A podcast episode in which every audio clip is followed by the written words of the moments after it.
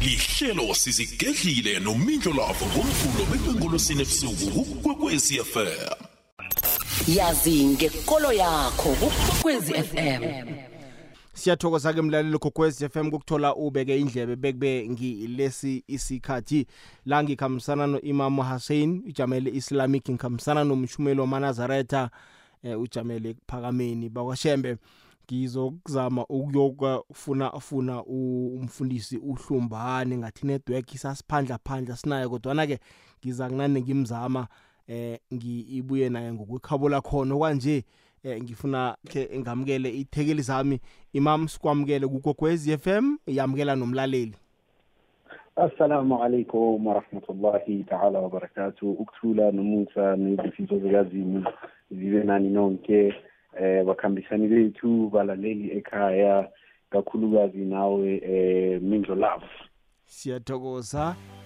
Hlalithwa yamukela umlaleli gokwez FM Eh intambama ayibehle kuwe Mindlo nako Hussein intambama ehle nakumlaleli kokweza FM siyathokoza kileyo ndawo.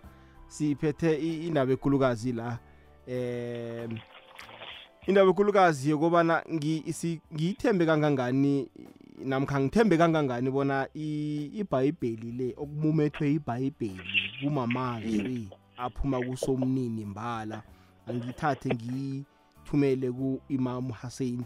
Akhe kasifake esihlokweni sethu sanamhlanje sithome nje ngokubuza bona ibhayibheli le kuhle kuhle ivelaphi namkha ize ngesikepe na imam?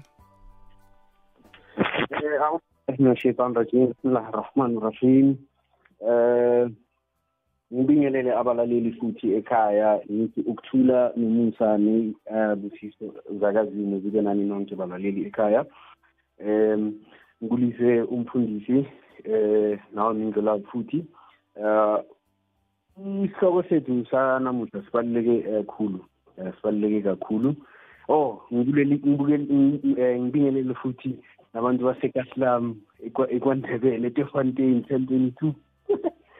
Um isihloko esisiphethe namuhla sibaluleke kakhulu ngoba um kulesikhathi esiphila kiso abantu abaningi bane-doubt when it comes to eh, ukukholelwa kuzimu yabona? So le doubt yabo ukukholelwa kuzimu translate to ukuthi sebadawutha um ney'fundiso zonke. Ebakhulu ebazifundisa yabona? So um manje mabazidawutha unfortunately ba abazidawuthi with knowledge. Bazidawutha with ignorance. Khe wabona awazi bonyana ukuthi into i- ime njani. And then uphikise ukuthi omunye akutshele ukuthi no into le ibe- ibheke north. Wena uthi awuyazi bese futhi wena uphikise uthi no no no no. Angeke ibheke north Ak- akwenzeki ukuthi ngabheka north mara uyazi. So inkinga enzakalayo yileyo ukuthi especially i- ilitsha yabona um laba abaku-generation yethu laba abaya kuma-university nani nani babuya banale doubt leyo. But mambuza wena mam-cross questiona abanayo impendulo yabona? Ngifuna ukusho lokho as introduction. So eh being a muslim eh siyakholelwa ebhayibhelini. Being a muslim yes sisebenzisa i-quran primarily kodwa siyakholelwa e- ebhayibhelini eh kune-verse la ku-quran ithi um wakhutubihi eh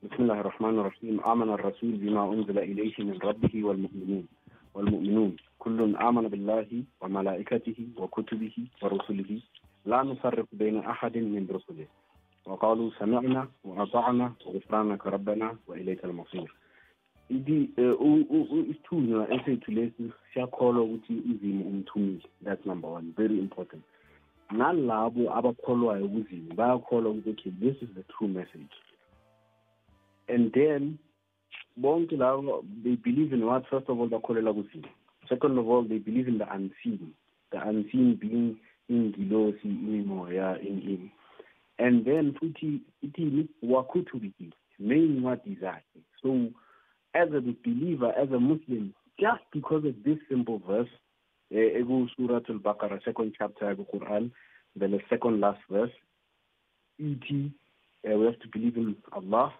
zimu umvelinqangi mudimu ramasedi tlatlamajolo uh, and then the unseen uh, primarily being the angels wakhuthubihi ney'ncwadi zakhe ezize before iquran zonke from if adam had a book from adam.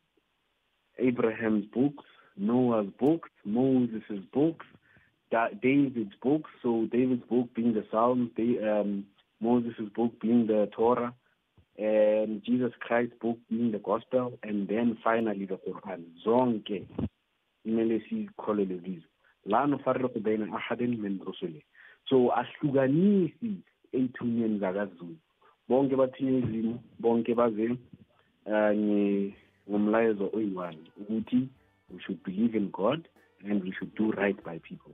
Yabona? This is our belief as ama-muslims however i- i- i-history iyasifundisa ukuthi um ibhayibheli leli esinalo uh, today historically uh, angithandi ukusebenzisa legama elithi distorted because lithi elithi distorted liza sort of line-connotation yokuthi um eh yatshentshiwa and yatshentshiwa with ulterior motives yatshentshiwa with certain motives in mind ukuthi bona abantu bafuna ukulunga bafuna kunokuthezi bafuna ukuku-achieve by using the bible. Yabona? However the the fact of the matter is uh, when it comes to the psalms the psalms were recorded. As songs and whatnot the songs of solomon as well. The torah yaka uh, moses it was recorded and was and then it went through ages and ages. And then the gospel unfortunately because ujesu the the, uh, the life ebekaphila kiso he had to move around a lot. So there's no official record of the gospel. That's why uh, iy'ncwadi ezikhona in the holy bible esinayo today. Zibizwa ni the, God, um, the book of mark which is the gospel according to mark. The book of luke the gospel according to luke. The book of uh, um, new testament most of them so it's not that akuthi ilizwi lakazimu cha it's not ilizwi lakazimu ibhayibheli ilizwi lakazimu however it's according to scholars who are close to uh, to la- labo bantu ithunya lezo zakazimu. Yabona? So the conclusion yebhayibheli the what we deduce from the bible is from god. It is holy it is uh, immaculate and it is pure. However yes loku esinawo esinako the words ezikhona lapho might have been as it according to luke according to mark according to john might be the words ingaba amagama kajohn abhaliwe lapho ingaba amagama kamark ingaba amagama kaluke ingaba amagama kast paul. But the message ekhona lapho is the message ebuya kuzimu so because the message ibuya kuzimu then we cannot disregard this document. We cannot disregard the bible. We cannot disregard it because it most importantly umlayezo okhona ngaphakathi ubuya kuzimu angazi eh ukuthi ngiyazwa ngiyazwakala or ngiyazwisiseka na? No uh, u- u- uyazwakala imam ngiba ukubamba lapho nje sinikele eh, abanye bakhone nabo ukungena ngokwikhabo lakhona. Uh, asamukele umaranatha. Maranatha mfundisi isi- sikwamukele wamukele nomlaleli ekhaya? Maranatha milo lapha namukele nomlaleli. Namukele nabafundisi. Siyathokoza. Ke siye kuhlalithwa hlalithwa kusifake esihlokweni sethu sanamhlanje. Nako kumunyethwe ibhayibheli ngikholwe njani bona mbala kwaphefumulelwa ngusomnini? Hey mindlu yayivubela kipi namhlanje? It is very challenging. Mara ke ngoba asikalali mindlu lavo. Ngaphandle kokunesa ama-feelings womuntu asinikele umuntu ilwazi mindlu lavo. Hmm. Ah mindlu lavo ibhayibheli it, was written by by the enemy. And uh, it was introduced by an oppressor la eSouth Africa. Manje umcindezeli akezi ngengqondo yokuliberata abantu yena abacindezeleko. The reason umcindezeli aletha ibhayibheli. Fanele sazi ukuthi wayelethela ukuthi brainwasha ngubani obhale ibhayibheli? Uyithethephi? Sizakhumbula ukuthi abomosi isikolo basithome e-Egypt. noJesu isikolo wasithoma e-Egypt. Therefore abaprofethi bakwa-Israyeli mindlelavo bebafundile. Umprofethi nomprofethi ube neyakhe incwadi. Hayi ibhayibheli incwadi yakhe. Then indoda emhlophe ihlanganise incwadi zabaprofeti yenza ibhayibheli. There's a lot of tampering with incwadi zabaprofeti kangangokuthi i-english iyodwa inama-vision ayi-18 webhayibheli. There's a lot of tampering there's a lot of contradiction ngaphakathi kwebhayibheli. Ngoba omunye nomunye nje ama-scholars mindlovu bakutshela ukuthi the first five books were written by moses. Wonke umuntu wazi njalo ukuthi the first five books were written by moses. But urareke uma ufunda udeuteronomy 34 verse 5 ikutshela ngokufa kukamusa uMosi bekangabhala njani ngokufa kwakhe ngobufile? Hmm. then ngaphakathi there's a lot lot of contradictions. Manje ibhayibheli ifana namasondo mindlwelafu you choose emasondweni na elifanele wena isondo bese uyekilo ukuthi nanti isondo elifanele mina nekolo yami ekholelwa ukuthi nandi isondo lere asingene ngaphakathi ngebhayibhilini ngabomu. Uh uGenesis 32 verse 30 uthi ngibone uThixo ubuso nobuso. Kanti uExodus 33 verse 20 uthi akekho bona uThixo aphile. Amahubo 145 verse 9 ithi uthixo uyaxolela. Ujeremiya 13 verse 13 uthi uthixo akaxoleli. Ulevi 25 verse 37 boleka imali enenzuzo. Kanti uMateyu 25 verse 27 uthi boleka imali enenzuzo. So there's lot. Angeke ngakutsho konke la i-contradict nakhona but kuningi la kunama-contradictions. Eh njengoba uyicala ama-scholars ngendlela ayenze ngayo ibhayibheli is divided into nine mindlo lapho sinetora hayi ebhalwe ngumusi abayithethe encwadini zakamusi historic books. Bese kuza ama-prophetic books kuza ama-poetic books kuza i-gospel kuza act of apostles um kulandela ama-letters to the foreigners uh kunencwadi entathu ze-holy twelve bese siza kwi-revolution. Kuyavezeka ukuthi kunencwadi abazikhipha kwamakhuwa ezange bazifaka ngaphakathi kwebhayibheli. Mayena singananzi incwadi zabo inoko incwadi zabaprofethi ezazivele zikhona ezikhona kamanye amavision wamabhayibheli athile. Then isikholwa njani indlolavu ukuthi incwadi le ivela kuNkulunkulu kanti ivela emakhuweni. Kubalulekile ukufunda mindlolavu imithetho kaNkulunkulu ngiyakholwa emthethweni kaNkuluNkulu.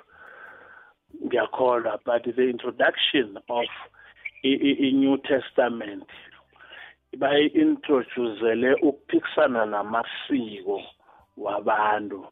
Bayi-introducele ukuphikisana nenkolo yabantu. They bringing in new religion nendlela etsha yokuphila engafani neyabokhokho babo. Ngoba le introduce amakhuwa ikole ku-old testament isikhuwa iyasiphika ikufundisa isintu. Na ufunda i-old testament cishe wonke cishe wonke 95 percent men ngaphakathi kwebhayibheli old testament ma-polygamist na uqala i-old testament abantu benza ama-rituals ngembuzi. Old testament kunengoma. Yonke into engaphakathi kwe-old testament ikutshela ukuthi i'm a black person but i-new testament izele ukukuphikisa ukuphikisa leyanto leya engale ku-old testament. I-new testament is bringing jesus as god i-old testament ikulethela ujehova as god. Alikho igama elithi jehova ku-new testament. Deliberately so yenziwa i-enemy ikususa phezu kwenkolo yakho. So ibhayibheli ukuthi lilizwe lenkosi hayi mindlolazo i don't believe in that but ngiyakholelwa ekutheni kunencwadi ezi-accurate abazilethe ncwadini zabaprofethi njengoba ngishile ekuthomeni ukuthi ngiyakholelwa ekutheni kunamasondo kankulunkulu kunamasondo angasiwo ngakankulunkulu mara amasondo wonke. Asiyibambe lapho ke hlalithwa sikwazi ukufaka no umfundisi uhlumbane eh, umfundisi uhlumbane nawe akungene ngelwazi lakho siphethe indaba ekulukazi la kuvela indaba yokubana ngikholwe njani mina bona okumunyethwe eh iBhayibheli mbala kuphefumulelwe ngusomnini na? Magama aphuma emlomeni kasomnini na? Uthalikezi ngesikepe na? Mfundisi. Mela hey ngiza ngithuka ngitatazela. Mm, mm, mm. ya ukuthi ibhayibheli siyaliphatha kazi lasikholwa Mm. ya iyangithusa eh. Hey. uJesu angikhulume ngalo Jesu ebamphikayo abantu. Makazokuhamba ephasini uthi ngibuyela kubaba. Ngizamthumela umoya ocwengileko umduduzi. Uzanifundisa umkhumbuze nezinto engayifundisa zona. Ngaphandle kokuthi uzimo kube nendlela akhuluma nabantu ngayo abantu iqiniso angekhe balazi. Abaprofeti azange ke bazisukele bakhulume namkha babhala. Ngizaya ezwini leli namhlanje ngizwile ukuthi alikholwa. Mina ngombana ngiyalikholwa ngizalifunda. Ngithoma kile itestamente elisha ngifunda incwadi kaPeter wokuthoma. Nendima nangi- nendima ngiyokuthoma indinyana ngiyechumi first peter chapter 1 verse 10 no verse 11 yona ifundeka nje si mayelana nesi mayelana nesindiso leyo abaprofeti abaprofeta ngomsa owawuzone owawuzonehlela bahlolisisa baphenyisisa ngayo bafunisisa bona ngisiphi isikhathi nobujamo umoya kaKristu obegade akibo aphawula ngaso lokha nabafakaza ngaphambili ngokuhlubu ngokuhlupheka ebekuzakwehlela uKristu nechazimulo ebeyiza kulandela abaprofeti bahlolisisa baphenyisisa ukuhlolisisa nokuphenyisisa uqalisisa ukuthi indwezi zivelaphi indwezi ziliqiniso kangangani? Isikhathi ekhulunywa ngaso eBhayibhelini siyeza namkha asizi? Nangabe siyeza siza nini? Into ekade baziphenyisisa bazihlolisisa lezo. Ngiye godu kiyo incwadi kaPetros wokuthoma um uPetros wesibili indimana ngiyesithathu. uPetros wesibili indima ngiyesithathu. Yena ukhuluma njena Petros wesibili indima ngesithathu indinyana ngeshumi nesithandathu. Ngifundeka bunjesi nakukhuluma ithi nakakhuluma ngalokhu encwadini zakhe zonke kukhona ezinye zezinto ezilikhuni ukuzwisiswa okuzizinto abanganalemuko nabanganaqiniso bezihlakane eh, bezihlanakezela abanganelemuko nabanganaqiniso bazihlakanakezela. Uthi kunezinto ezilikhuni ezabhalwa eBhayibhelini abantu abanganaliqiniso nabanganalemuko bayazisanakazela. Ngamanye amezwi bazibeka ngale ndlela bona abacabanga ngayo ngombana zilikhuna bezwisisi. Bafuna zizwisise ngale ndlela bona abafuna ngayo nangale ndlela abacabanga ngayo. Lezi zinto esikhuluma ngazo sizwe likhola ibhayibheli ngakusasa singalikholwa sishumeza abantu ngalo sithi zani kujesu. Ngakusasa siyajika sithi eh alisiyeqinisa ibhayibheli lezi zinto ezange sizihlolisise zibudisi ukuthi sizizwisise. Ngalokho angeke sizilise sithi asizazi kodwana sazisanakezela sizikhulume ngendlela eyanelisa umuntu. Le nto uzima angayifunike leyo. Ingalokho uzima athi ningagcwalisi ningaphunguli. Kumele lapho ngiragela phambili eh ngisathuthumela manje sinjengithonya ilona ayikho ilona igesi lapha yikho ubuza ngathi ngifunda kabuhlungwana.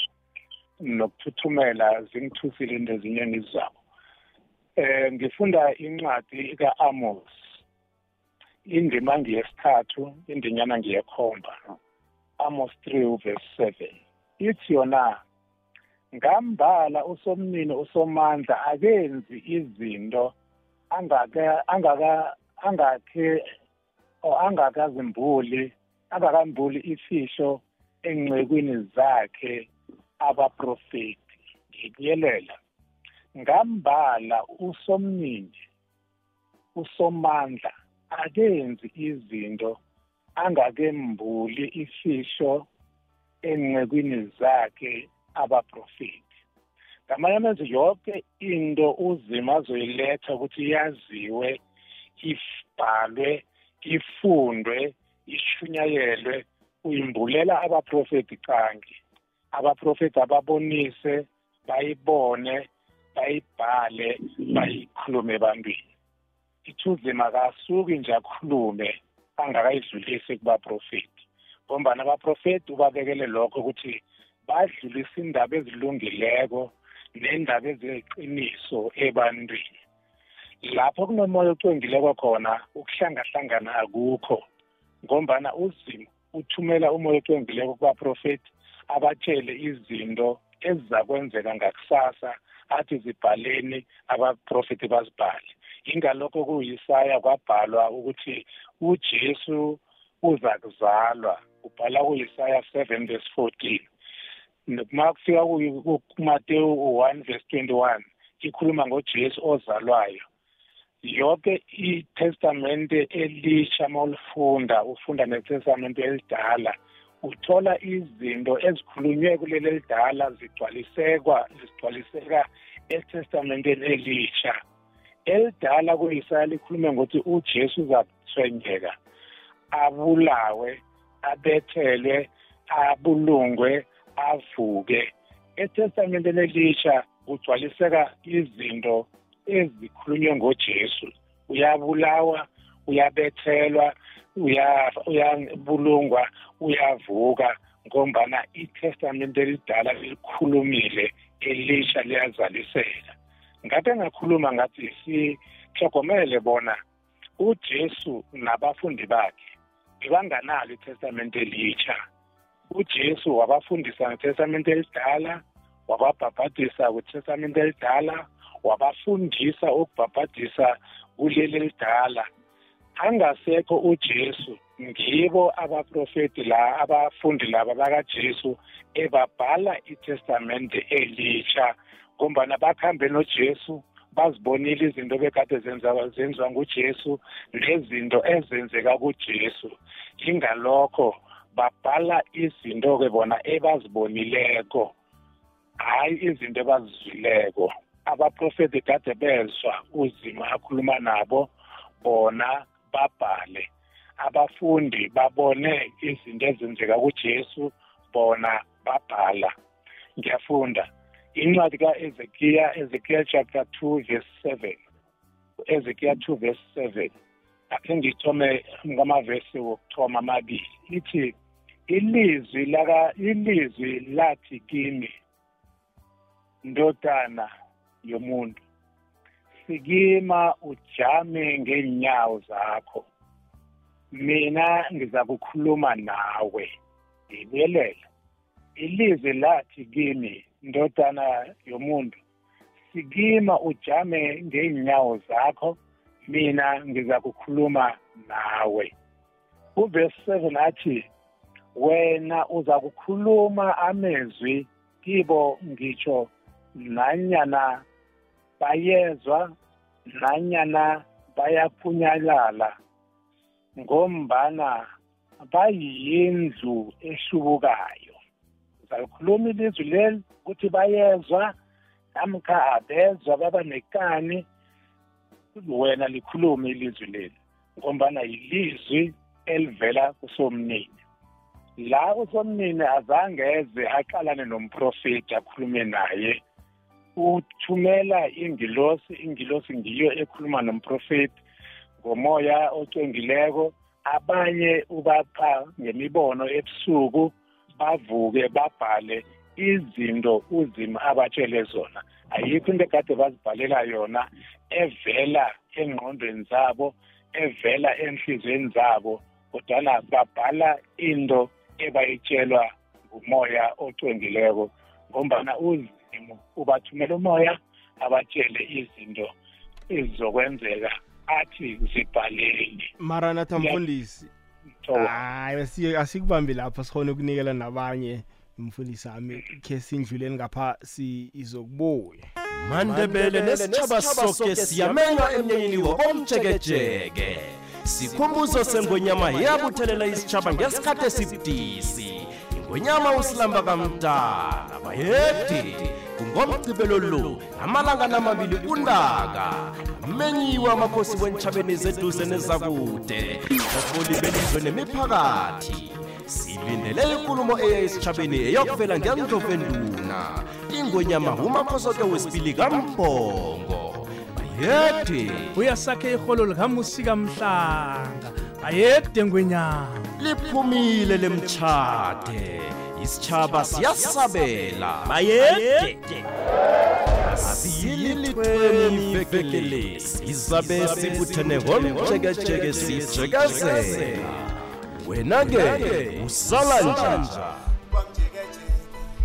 inamba vele siyokujekezela ngomgqibelo lo. Ibalikhomba ke imzuzu ngemva kwesimbi yeshumi nanye. Sikumeme mlaleli gokwez f m nathi uhlanganyele nathi ku-079 4132172 whatsapp line yethu ngileyo eh ku-086 3278 inomboro zomtato.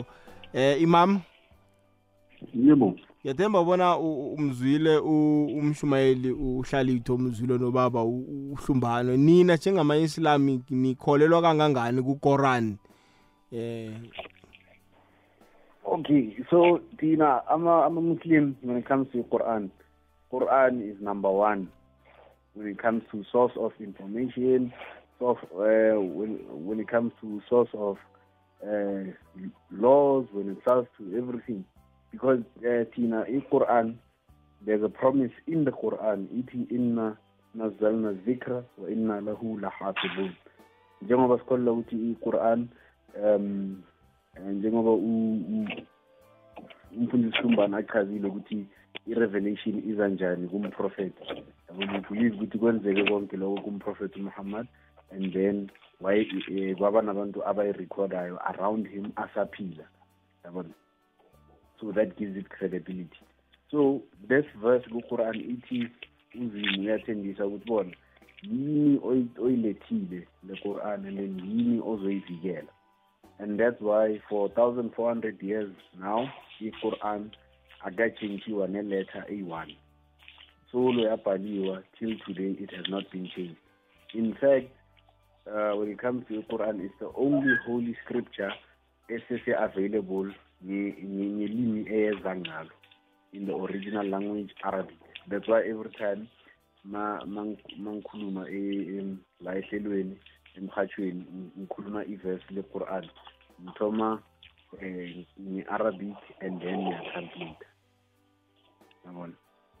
So thina u-Quran kithi number one. Pure it's immaculate ayina phutha ayina mistake and uh, yiyo i-number one source yethu for our laws number one source for information number one source for everything. So that's how much we believe in the quran. Ngiyabona. Ehlalithwa ukho wabeka phambilini kubonakala kwangathi umfundisi uhlumbane kokhunye nje okuvezileko kunala mhlambe a as imrararara khona ukuthi njani? Ngimzwe enkulumeni zakhe. Ubabazi umhlolo. Ngidlola angiphiki abaprofethi angiphiki uNkulunkulu. Ngithi incwadi zabaprofethi zithethwe umuntu omhlophe wazihlanganisa wasibhalela zona.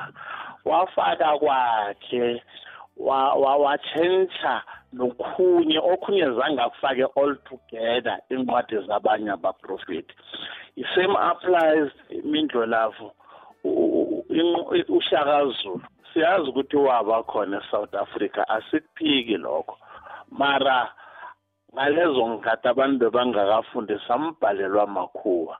Ute uhenry cele makenza iplay kashaka zulu ingwenyama ugoodwill zwelithini wade amanye amasini wawarabisha wade uba mkhulu zangenza izinto enizenza lapha ezinahlanya ngoba yinto yekhabo uyayazi uyayiphika. Manje akusho ukuthi uphika ukuthi ushaka bekangekho we believe god was there we believe abaprofeti bakhona mara ukubhalwa kwebhayibheli akukabhalwa ayikabhalwa abaprofeti ibhalwe makhuwa. And babhala i-history engasingeyekhabo bayithatha from other languages. Uma ungacala the first english bible nguhenry the great eight. No no King James. So nawufunda i-King James Version indlelafu uDeuteronomy 23 verse 2 uthi bastard lingangeni ebandleni kaJehova. Mara nawufunda i-Good News Vision ne la ama-vision amasha the very same verse ithi umntwana wesihlahla angangeni ebandleni kaJehova e-, esingisini ithi a child who is conceived out of wedlock where else ibhayibheli lokuthoma i-king james ithi bastard na ukuhamba uya kwi-dictionary yebhayibheli ukuthi i-bastard yini? Ikhuluma nge-mixed breed ukuthi umntwana oyi-mixed breed ningamlethi emhlanganweni kankulunkulu akangeni. But ama-vision ayitshentshile. Njengoba sithi ngiyiphi i-vision erehe lapho? Ngoba i-vision enye nenye nenye inombhali wayo. Konke sithi lizwe kankulunkulu no. Akafanele sibe brainwashed fanele silijamele iqiniso marana tamfundisi kuma-vision wonke emindlo lapho kukuhamba kunama-contradictions izinto abangakazibhali kokufana kizo zonke embhayibheli then asingle out yinye ukuthi nasikereh mara nathi mfundisi umshumayeli unekinga yama-version. Angi- a- angiphiki ukuthi ama-virgin la bayawatshintsha benza yonke into. And i-king james akusiyibhayibheli lokuthoma. I-king james ivela ngombana uking james kade afundela ibhayibheli lesihebheru isilatin ilimi angalizwisisi kuhle. Wabawa ukuthi mabamenzele elakhe ibhayibheli nge-english yakhe ingakho ibizwa ukuthi i-king james.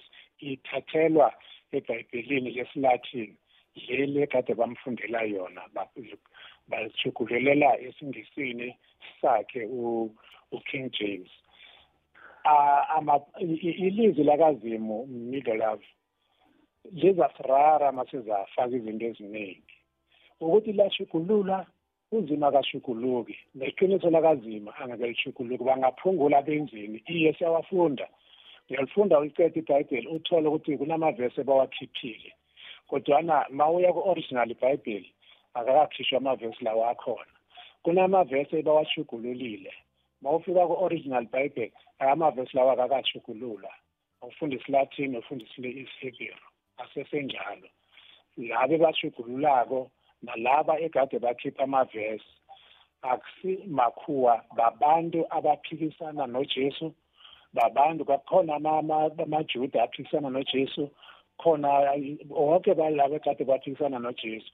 Babantu abangazivumi nezinye izinto ezikhulunywa ngujesu bakhipha lezo zinto. Abazange babulale yonke into.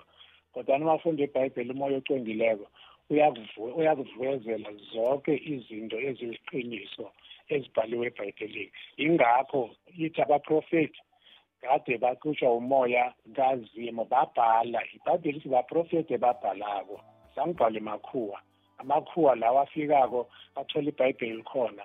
Ngombana bantu abanzima ngibone kade babhala ibhayibheli abanye kade balima emasimini abanye kade ba- basebenza bazithungela izinto. Abantu abangakafundi kangako abantu kade babhala ibhayibheli bathi bangalibhala umoya ocengileko ngiyo kade katshela ukuthi babhale ini. Ingalokho ngifunda isikhathi esiningi ngingakhulumi nje i-history evela emhlabeni. Ngifuna into ebhalwe la ebhayibhelini ngombana sibuzwa ngebhayibheli. Ngakufunda ivesi libe linye imito ngidlule Mm. incwadi kajeremiya 1 verse 4 ithi ilizwi lakasomnini lafika kimi lathi verse 5 ngaphambi kobana ngikhumbule ngesi nge- ngaphambi koba ngikhumbule ngesibelethweni besele ngikhu eh, ngikhu ngikhulumile namkha uzimo bese ngimzwile uverse 4 uthi ilizwi lakazimu lafika kimi lathi yonke into umprofeti ayibhalako ukhuluma into ayitshelwe yilizwi lakazimu akakhuluma into evele ehlokweni akhe ngijame lapho. Eh imam la kukhulunywa ngendaba zama ama eh ama version weBhayibheli ukuthi iversion yokuthoma ihlukile kunesibili into ezifana nalezo. Ngesikorani usho ukuthi azange lijugululwe mhlambe eh akunalali liziphikisa khona into ezifana nalezo. Eh, nikholelwa ukubona litlole bobani iBhayibheli eh, ngesimuslim Oh, so uh, iQuran um ay- ayinazo inkinga lezo. Uh, bakhona abantu ebaziwayo eh in history amagama abo arekhodiwe ukuthi yibo abantu laba they were called ama-scribe kamprophet Muhammad. Peace and blessings be upon him. Yabona? Beba bebabhala shuthi yena bekathola the revelation and then ayenze. Yena bekathola the revelation and then abatshele ukuthi okay uh, ngithole i-revelation ethi and then bayabhala labantu labo uh, like that so akunama-version akuna liphikisana khona. Eh if eh bakhona abantu no la liyaphikisana no no no ma-upgrade because angisho the, quran was revealed over i-period ya 23 years. So kule 23 years kunemithetho not eyachenjiwa ya-updateiwa. So i-quran ayina um ma-contradiction rather inama-update why lo mthetho wakudala is still maintained it's for the sake of a lesson and to show ukuthi the umuntu generally as umuntu akuna akunakuthi unga- ungazi izinto from the first day. It is a gradual process yabona? So iquran kha ayinankinga leyo ukuthi inama-version amaningi inama-contradiction and then um i- ibhalwe i-certain scholars however into esinayo ku- ku-islam um into bathi um yini tafsir nge-english bathi exegesis so i-exegesis le ye-quran it's um a scholar fro and esesekhona till today. So it's a scholar athathe i-quran and then based on his knowledge and then based on his interpretation and based on his understanding nokufunda kwakhe azame ukuchaza some of the verses ze-quran. Yabona so it's not i-version ehlukile ye-quran ngoba the original text isesekhona. It's just yena uchaza. So it's sort of like a textbook to understand the quran not that it's a different version of the quran. Yabona. Ku- kuyazwakala mlaleli. Gokwez f m chumi nekhomba ngemva kwesimbi yechumi nanye la ngifuna nawe khe sikunikele nje ithuba ubuze lawo ufuna ukubuza khona. Eh bakhona abafundisi bami ngokwe ekhabo lakhona khe sizwe la? Hayi mindlo lavo kunjani ebusukwini banamhlanje nabafundisi bami? Skoda- ukhuluma noskirleke ngapha ephola park bengifuna ukubuza mindlo lavo umfundisi wami ngimlalele ngiyamizwa mara vere ungibetha la makathi ibhayibheli original ayifani nebhayibheli engasingi-original manje ngisaba ukuthi angichazele ukuthi kune-phone kong yebhayibheli or kune-fake ngelimi lesitradeni bathi phone kong angazi nedi ma ngangichazela lapho ngilahleka lahlekile nedi ma ngangibuyisa endleleni. Danku A- a- as- asimphenduleni? A- ang- ang- ah, ubuza mina ngoba ngombana ngimkade ngihlathulula leyo. Mm. angisho ukuthi lawo ama-phone call. Ngizama ukuchaza ukuthi la mabhayibheli esinawo bawathathe kwelinye ibhayibheli. Babhala into ebayithole kwelinye ibhayibheli. Bathola kubhalwa isihebheru kubhalwa isgreek kubhalwa isilatin suka lapho amabhayibheli la esinawo asuka kumabhayibheli esilatin isihebheru nesigreek iya kuyazwakala ku-079 4132172 iwhatsapp line yethu 079 4132172 086 0003278 086 um 0003278 hlalethwa ngendlela engikuzwe ngayo um uhlalethwa bekathi ibhayibheli le i- ihlanganiswe makhuwa. Hayi ukuthi ibhalwe. Angazi ngikuzwe kumbi na? Ungizwa kuhle khulu. Ungizwe kuhle khulu ihlanga u- u- umfundisi uhlumbani ngimzwa u- u- u- ukudzubhula ngathi wena uthe ibhalwe makhuwa. Uthe wena ihlanganiswe ibuthelelwe. Uphakanyelwa- u- u- u- uphakanyelwa vilaka indlelabo ngoba amalathini la? Makhuwa akhuluma ngawo la malathini la. Mm. manje ngithe mina le english lazama ukwenziwa mindlo lavo ngo 400 i mean 1400 yeah 1400 waze ngale english. Ngujohn wycliffe. You can google it. Lakha- la la la abolishwa umthetho weroma ngo-1408 labhenwa. Kwathi ngo-1603 uking james makaba yinkosi walibuyisa wathi ngenzelani lesingisi angikhoni ukulifunda amalimeno la. Bamenzekela-ke lesingisi ngo-1603 lavuthwa ngo-1611 lapublishwa. First edition ye-king james vision nge-english 1611 itshwe njalo mindlo lapho ya no i- iya- iyazwakala iyazwakala. Eh, mfundisi u- uya- uyayizwa indaba? Mm, leyo uqinisile ngiyayizwa leyo. Iyazwakala. Eh. okay. Asikumeme mlaleli 21 past 11 079 4132172 079 4132172 ngena-ke nawe udzubhule nje amavesi wakho owabonako ukuthi mbala la eh angenza bona ngikhole ukuthi mbala libhayibheli liphefumulelwe ngusomnini 086 00328 086 00328 eh marana thamfundisi eh nangikuzwa kuhle ukhulumisa indaba ukuthi eh bekunamba kunabaprofeti abanande balibhala ibhayibheli. Labaprofeti into abazibhalako ba- bebabhala izinto abaphila kizo namkha nabo ba kube nombono ovela kongaphezulu. Ngithokozele lapho. Kuba nombono kube nelizwi uthi uJeremiah 23 iverse 2 uthi la uJeremiah umoya kasomnini wakhuluma ngami amezwi akhe kade aselimini lami.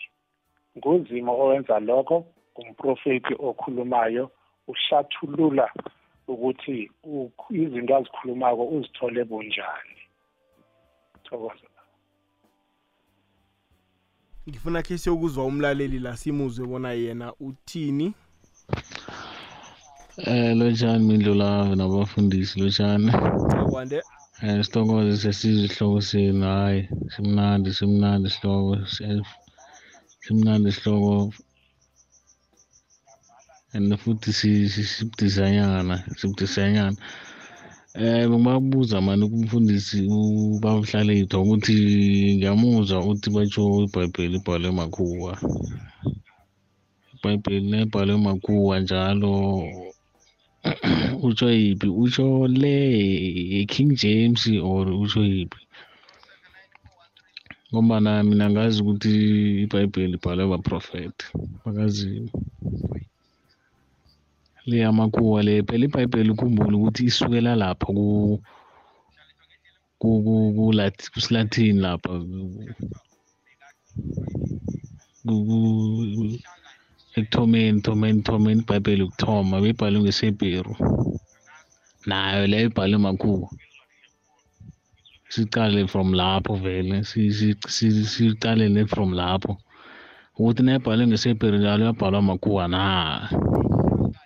Asaqali le english le. Eh leyo sayiqali leyo sisiqala le vele bekuthoma. Si- sisiqala le yokuthoma ke lapho funa funa funa ukwazi nethi lapho ke mina. Ukuthi amakhuwa ayibhala ayibhala from lapho na? Hawu ibhayibheli zange ibhalwe makhuwa ibhayibheli ibhalwe abaprofeta ya yalo amazwi la asebhayibhelini abuya kubaprofethi uzimbe kakhuluma nabaprofethi ngokwazi kwami. Ngokwazi kwami. Yebo amanye amavesi bawakhiphile yes ya. Nama-contradiction akhona ngiyavuma lapho. Mara ukuthi iba- ibhayibheli ibhalwe makhuwa hayi lapho eh lapho ngivumelana nomfundisi u- umfundisi Hlumbane ukuthi ibhayibheli ibhalwe abaprofethi zange yabhalwa makhuwa thokoze mindlela siyathokoza mlaleli. Hlalithwa ngicabanga bona leyo siyihlalise kuhle sayikhuluma bona. umlaleli alale arehe mindlolafa iya ukuthi uhlalithwa kuhle kuhle akade ibhalwe makuwa uthi ihlanganiswe ikhompayilwe ibuthelelwe lokha nayiza kuba ngesingisi. Utsho njalo hlalithi nayizaku ah, nayizakuba libhayibheli. Nayizokuba umprofeti nomprofeti bekanencwadi yakhe beyingasiyibhayibheli mm yikho kuthiwa ujesu watola indoda ifunda encwadini kamprofeti ujeremiya. Hayi ibhayibheli incwadi kamprofeti othile. So makuwa atete incwadi zabaprofeti ababoke bazikompayila bazihlanganisa bathi senza incwadi yinye igama layo yibhayibheli. Ngamanye amagama asho ukuthi ithemba lethu lonke silibeke kubaprofeti. Iye. Abaprofeti nangabe kwenzeka bakhulu baphosise kusho ukuthi nathi kungenzeka silandele into enga- engasiyo. Ah mindlolavo umprofeti kuhle kuhle akusuye umuntu wemhlabeni. Oh alright umprofeti uvela ezulwini embathe umuntu wemhlabeni. Umprofeti owambatha ujesu wafika kujesu ana-30 years. Lithi ibhayibheli emva kokubhabhadiswa kwehla umoya oyingcwele wahlala kuye manje namhlanje siconfuse ababhuli nabaprofeti sesibiza ababhuli ukuthi baprofeti umprofeti umoya oyingcwele ovela ezulwini. It's a holy messenger iyazokala imam akungene Eh eish. so when it comes to ama-version ngiyazwa abafundisi bakhuluma ngama-version we- we- weBible um mina kune kune bi- eh, version or i i- bathi incwadi ebekudala ngizibuza ukuthi why ingekho in in the model Holy bible esinayo yabo? The book of jubilee ne, ne the book of enoch and the book of barnabas. I-three especially why zingekho ebhayibhelini abantu umbuzo wokuthoma enginawo. And then ewes two njengoba manje ibhayibheli we have discovered ukuthi yes manje eh siyavumela ukuthi okay ayibhalwanga yibo ama-pro- ama-prophet eh sibere kanjani ngayo ukuya phambili lo mbuzo ngibhekise kumfundisi uhlalipha ihlalithwa Eh imam ngithe mina iBhayibheli ifana namasondo. Sinamasondo amaningi emhlabeni. Omunye nomunye uyazikhethela isondo elifanele yena. Same applies ngikhulume ngeBhayibheli. Ngaveza nama na- na- nama nama contradicts a few ngaphakathi kweBhayibheli. Ukuthi ungaboleka imali ufune inzuzo boleka imali ufune inzuzo mavesi ahlukahlukeneko lawo so maningi ngobuningi ungasela utshwala elinye lithi ungasela amaziwodo nanti usela utshwala then u- u- u- uqala wena ukuthi okay la yangilahlekisa for an example mazo ukufundela abantu ngezondweni ukuthi u- usolomon at seven hundred wives nabosheri abayi-thirty. Ufundisana abantu ngesondweni. Because the bible is accurate ngoba ingaphakathi kwebhayibheli. No it's just a history. It doesn't help you. Absolutely. Exactly. Funda itora ngoba amanye amabhayibheli is for motivational. Hayi ukukufundisa ngombuso wezulu. Ma ngizokufundisa ngombuso wezulu kufanele ngikufundele imithetho kankulunkulu. Amanye ayamotivate nje kuphela. Yes yes.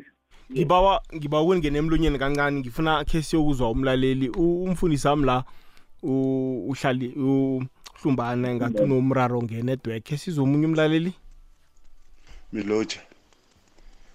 Na- nabobaba abafundisi lapho. Manje ngoba batsho ihlanganisiwe nge- ngesilungu yaba ibhayibheli yaba incwadi yinye. Wena urehe uma uthi iye kungenzeka ukuthi into esiyilandelako siyikholwako thina woke abantu ayikho musi ngoba lihlanganisiwe libhaliwe. Omunye nomunye une une une nganothi une story sakhe.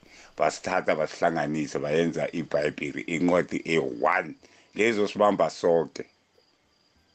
Asikuthi that's why ukuthi imidlo lapho uthole ukuthi vele abantu vele ibhayibheli asiliboni ngokufana asilizwa ngokufana. Musi ingisa lapho. That's why uthole ukuthi ibhayibheli silibona ngathi nakhona lemigwalo le labantu labayihlanganise kuba bawuthole kuphi bawatholaphi lamagwalo ayi mindo lapho solo kuba muda indaba ngisatholi manje ibhayibheli. Iyazwakala. Khe sizwe omunye umlaleli? Lotshani bafundisi nalo indoda engudijili ngisafuna ukubuza ukuthi la ujesu kristu lo kuhle kuhle lapheli khona uyini? Ujesu kristu lo isikhabo yi-pakistan of i-taliban national of uyini. Yena ujesu kristu lo. Ngoba njenganje kunembhalo lapho eniyifundako nibala bojeremiya ungathi umfundisi ubale nabomike ngathi bomichael of of njanjani ubale three yen- yamadoda lapho. Mm.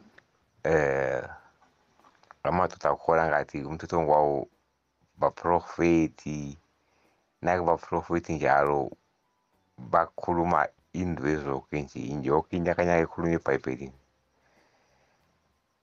manje ngifuna ukubuza nesisigilo lapho ukuthi aba- mfundisi ningidlulise lapho ukuthi yini abahala bomapakistan bomza wakhe wona bomntamamakhe na u- u- uzimulu ngoba njenganje is almost 20 to 13 centuries.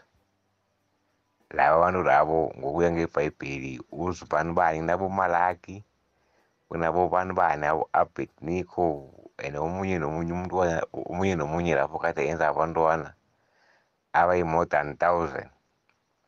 Mara njenganje namunye o- osizukulwane sabarhalabo ophilako nemanje siyithola kuphi isikiri ukuthi le into ekhulunywako le yinto ekhona ephilako ngilindebele ngibokwandala mina umntakamadzela emiddleburg ngokusosisi ubaba ngidlula baphi manje ukuthi ukwenza sikile bafundisi ningidluliseni lapho ngoba sirarekile kunenhlamu muthi hundred inhlamu lapho e- e- ebhayibhelini azinamagama bomarco najohani umasimon petro yoke le. Inyakanyaka le yini bayikoro yinye nojesu lona nayo engifuna ukuyazi ngidlulisana nedapho bafundisi sambelief nguliduka umntakamadzela ngisemiddleburg emhluzi hlalithwa akhe simdlulise Eh mntakamasela angakafiki amakhuwa eSouth Africa. Besinganaye umuntu onzima ongupiti maria kortman klemboyi amagama la kuthiwa kuyo makhuwa ingasi ababelesi bethu. It same applies. Nangithi ibhayibheli ibuthelelwe makhuwa amakhuwa they couldn't pronounce amagama wabantu. Ngikho bakhipha amagama wabantu bafaka wechukwa ngaphakathi kwebhayibheli. Uthole u- unabantu abamakhuwa mara amasiko ngebhayibhelini wabantu abanzima. False names ngaphakathi kwebhayibheli. Uthi ujesu bekamhlobo bani? Amapakistani abo my friend bebangekho. Amapakistani abekhona nakuceda ukufika amakhuwa e-middle east. Bekuba abantu abanzima. So bonke abantu ababalapha nje i-mixed breed. Ekufikeni kwamakhuwa abadlwengulwa abantu bafana namakhaladi ecape. Bekangekho amakhaladi amakhuwa angakafiki fifty two. Amakhuwa nekafika sixteen fifty two afikele phezu kwamakhoyisana bamithisa abantwana bamakhoyisana nabafazi bamakhoyisana ngikho kunamakhaladi. Same applies to the-middle east. Amakhuwa afika amithisa abantu abanzima waba nabantu abo so ujesu bekamuntu onzima ngoba usizukulwana sabantu egede bazingqila egibhithe asikho isizwe samakhuwa esakhe sagqilazwa solo kwaba nomhlaba ukufika namhlanje. Manje hlalithwa uyabuza-ke bona nanithi bakhe baphila abantu abo eh ukhona umndeni mhlambe esithiwa wakhe kwaphahla le mhlambe sizukulwana si-bloodline yakajesu into ezifana nalezo. indlelavo amahebrew asuke emiddle east ngo-seventy AD ngebabylon captive ukuhlala kwama-khazarians abantu esibabiza amajuda namhlanje ama-khazarians akusimajuda ngoba amahebheru abalekela back la e-afrika ahlala between ikenya ne-ethiopia into engihlale ngiyisho leyo. Abantu be-ethiopia bathi amahebheru the bantus why bathi the bantus because amahebheru were referring a human being as umuntu. So from abantu between ikenya ne-ethiopia baphuma in- ngama-group bayi-four abanye no-igbo baye-nigeria abanye notutsi baye-ghana abanye nofalash baye-ethiopia abanye behlanwalembe beza e- e- econgo. Econgo babhalelwa i-pronunciation ethi lembe bathi the lemba nations and from the lemba ekongweni bamigrate-ako abanye behle nondawo baya ezambia abanye behla nonguni beza e-south africa kwathiwa benguni.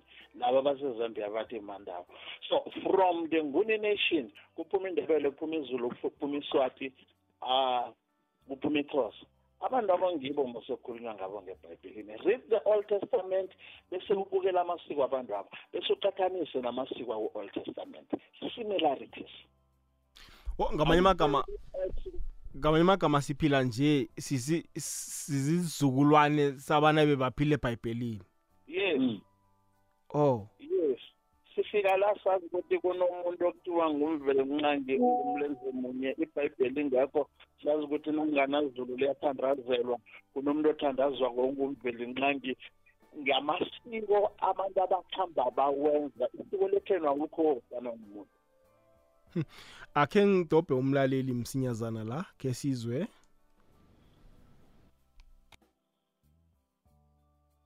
Okay ke siyokuzwa omunye umlaleli bona uthini? Lotshani lotshani imindlolava emhathweni ngugijimani ngaphaisa komkhwelo stadium ebarcelona esicephezana. Hawa mina ngokuya ngamvela ibhayibheli yawa mina angiboni kuyinto engingayilandela ngoba thina abantu besimandebele laba bomasikhosana amabhena amasombuka mgidi amagama ethu awekho lapha kule bhayibheli. Mina ngibona sibabantu siwalazela senza into engazifuniko. Ibhayibheli ngiyamakhuwa nabojona bebangekho ngesikhathi sethu sakade. Bavela nje abantu abo mina ngiboni ukuthi ukuyilandela kwami bizongirara vele ibhayibheli ngoba kwayona izwani yodwa. Manje mina nangabe uzimo ngaphakathi kwenhliziyo yami bekuphelile zebhayibheli. Awa ngizangilibalela danke maranatha mfundisi akhe ngikufake kwaqundeka kancane. Khe ngikufake nangabe mhlawumbe ufuna ukungeza okuthize eh ngesikhuluma ngakho ngalesi sikhathi. Umlaleli ukwabuza la wathi isizukulwane sakaPetro siphi? Isizukulwane sakaJesu siphi? Into ezifana nalezo ngoba abantu abakhe baphila indaba zokuthi mhlambe babulungelwa kuphi abantu aba amathuna aba ngakhonjwa kuphi ngelwazi lakho mfundisi? Ngizozana lapha ibhayibheli ayisitshele wonke amathuna wabantu ukuthi akuphi ngombana nethuna lakaMoses ithi uMoses wakhuphuka wasela entabeni ithuna lakhe alaziwa. And then incwadi kaya um kuluka i think ku-chapter ten ikhuluma ngesizukulwane sakajesu. Um ukuthi sivelaphi isizukulwane sikajesu. Kunento engifuna ukuyishathulula kuhle la sazi ukuthi kwenzekani kwenzekani ephasini. Incwadi kagenesis 11 verse 1 ithi iphasi lonke belinelimi linye nenkulumo yinye. Funda nje leyo verse. Phasi lonke belinelimi linye nenkulumo yinye. Ngombana benza izinto zokungalaleli uzimo bazenzela into zabo. Uthi ibhayibheli uzimo wabona ukuthi akehle abantu amalimi amaningi bakhuluma amalimi bangazwani bazokwazi ukuhamba bahlakazeke bagcwale iphasi ayisitsheli ukuthi ngimaphi lawo malimi ebawakhuluma ukuthi bangazwani. Ngamanye amezwi laba abazwanako baphuma bodwa nalaba abazwanayo baphuma bodwa bahlukana azange abantu basakhuluma limi linye. Okwesibili ayisitsheli ukuthi le limi linye ebakade balikhuluma ngiliphi limi. Okwesithathu engifuna ukusho kunamadodana kaJakobo alishumi nambili ngiwo akhipha izizwe zaka-Israyeli ezilishumi nambili zonke lezizwe zibizwa ngamabizo wabo amadodana kaJosefa alishumi nambili. Namka zagcina zingazwani zilwa zodwa kodwa ziphuma emntini oyedwa. Lokho kufanele sikwazi. Nale mihlobo hlobo le iphuma emadodaneni kaJakobo umuntu munye. Yenza imihlobohlobo yabantu njengako-adamu kwaba nemihlobohlobo yabantu. Ezinye izinto ibhayibheli iqinisa ukuthi zilikhuni ukuthi abantu bazizwisise ezinye kulikhuni ukuthi abantu bazikholwe. Kodwana engikuthandayo ukuthi ezinye ziyazaliseka nalezi besingazikholwa siyazibona sezizaliseka ukuthi nazi izinto ujesu kodwa zisho. Wathi ngekhathi sokugcina isizwe sakuvukela esinye isizwe balwe kwenziweni nazi iziphi siyazibona. Izinto ezakhulunywa ngojesu ngithokoze. Imam ah, kusongele isihloko sethu sanamhlanje uthini nomboro bona utholakala kuphi? Eh, mina ngitholakala zero seven uh, nine three double eight five seven five zero. Inumber yami leyo. Otherwise um facebook ngiyatholakala lapho. Muroriseng hussein mchinyani ya ngiyatholakala lapho. And then uh, ofuna ukuba nama-healthy discussions healthy discussions uh, uh, when it comes to irreligion when it comes to ama- ama-politics when it comes to anything nje ebalulekile for thina um, as uh, igang actually.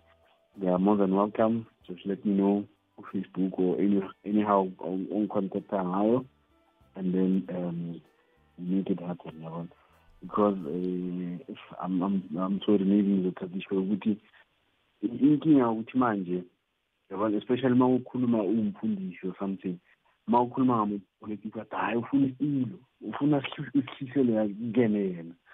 And akusinjalo uthole nje when you just want to enlighten abantu ufuna ukufundisa abantu when it comes to amapolitiki and other things that eh, ezipha abantu eh, the power ngisho democracy is power for the people by the people.